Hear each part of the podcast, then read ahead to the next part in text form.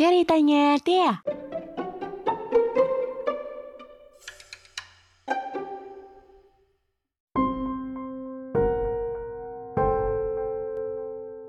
Ceritanya ada sebuah kompleks di mana kompleks ini itu dominan villa semuanya. Waktu itu, aku lagi ada di salah satu villa di kompleks itu. Nah, aku jelasin dulu ya tata letak villanya. Jadi dari jalan utama itu ada gapura masuk. Ketika masuk gapura ini, kamu akan nemuin satu jalan utama di kompleks itu. Nah, jalan lainnya itu cuman sekedar gang kecil yang bercabang. Villa yang aku tempatin ini berada di tikungan jalan. Jadi, ketika masuk gapura, itu kamu lurus, terus ada tikungan belok ke kiri. Cuman satu itu doang tikungannya.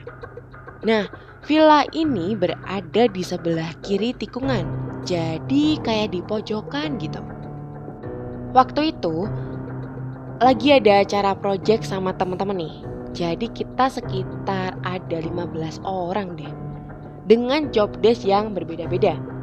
Ada yang analisis data sekitar 5 atau 4 orang, ada yang verifikasi data dan aku yang ngedesain output dari data itu dalam sebuah banner. Desainnya cuma satu orang, aku doang. Kita berangkat di dua kloter, jam 1 siang sama jam 3 sore aku kedapetan yang jam 3 sore. Nah, sampai villa kan sekitar jam 4-an karena emang perjalanannya itu satu jam dari kota.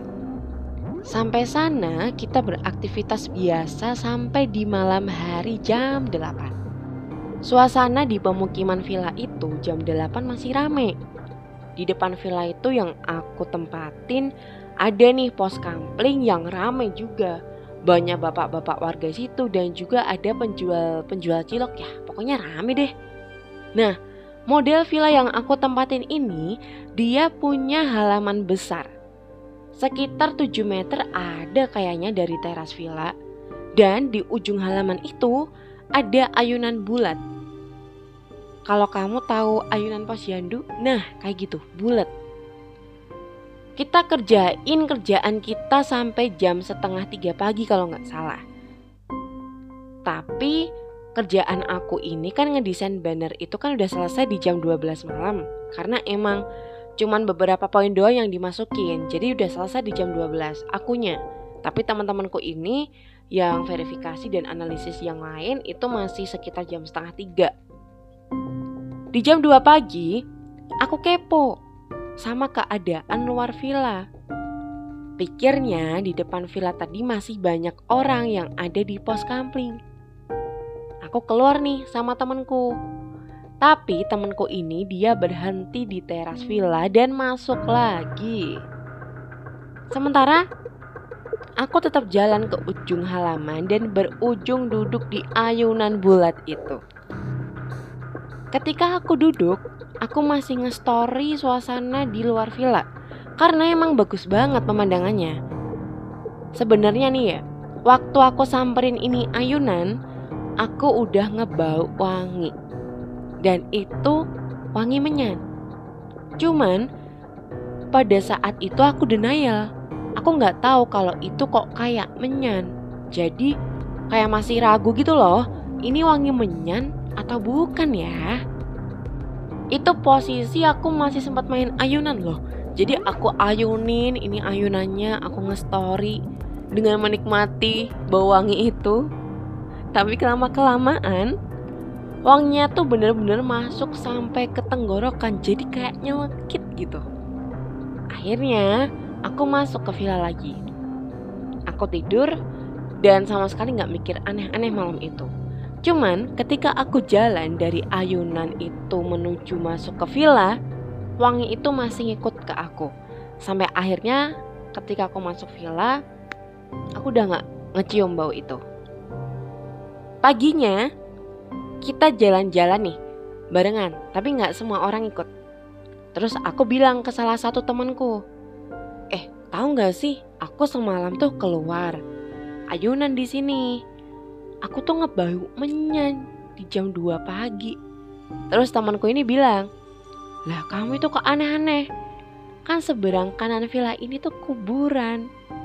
Jadi gini Villa ini kan letaknya di pojokan kiri tikungan ya. Ternyata kuburan ini berada di kanan tikungan Jadi cuman kepisah sama jalan utama tadi. Bener-bener di depan villa. Dan aku nggak tahu sama sekali. Pada ngiranya semua udah tahu. Nah akunya baru nggak di pagi hari. Dan bener dong kuburannya gede banget. Luas banget serius. Wah aku cerita ini merinding juga btw tapi emang nggak kelihatan sih kalau itu kuburan. Karena tuh emang pemukimannya itu temboknya tuh tinggi tinggi jadi bener-bener nggak ngeh kalau nggak jeli ya matanya. Aku tuh merinding dan kepikiran sampai pulang dari villa. Karena itu aku jadi kayak yakin aja nih kalau semalam jam 2 itu yang aku bau adalah wangi menyan gitu. Pulang ke rumah jarak semingguan aku masih kepikiran takutnya kalau ada yang ngikut.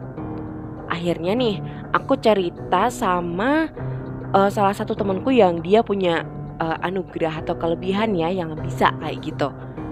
Aku ceritain uh, dari suasananya, dari ceritanya aku gimana di sana, dan temanku bilang gini.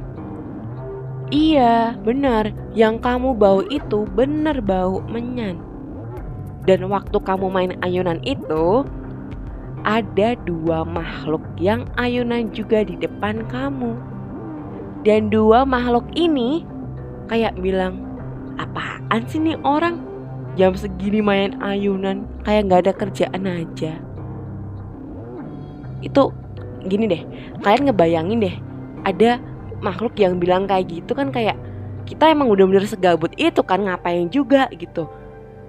Terus aku kayak nalar aja, iya juga ya ngapain aku jam 2 mainan di situ. Tapi alhamdulillahnya dia nggak sampai ngikut nih. Orang eh orang lagi makhluk makhluk ini nggak sampai ngikut. Alhamdulillahnya. Jadi ya aku cerita ini benar-benar masih merinding btw jadi bener deh guys di mana pun kita berada di tempat baru khususnya kita benar-benar harus tahu dulu nih lingkungannya kayak gimana kondisinya kayak gimana dan nggak boleh aneh-aneh jadi kepo itu boleh tapi kalau jadi bikin aneh-aneh itu nggak baik. Itu yang jadi pelajaran buat aku. Jadi kayak gini tuh bisa jadi hal yang bisa diceritain ke kalian, ke orang-orang lain.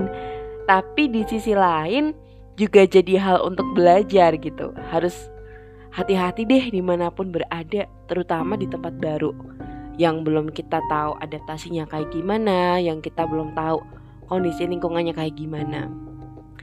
Gitu guys. Oke deh, makasih ya udah dengerin. Sehat-sehat, stay safe. Jangan aneh-aneh deh pokoknya.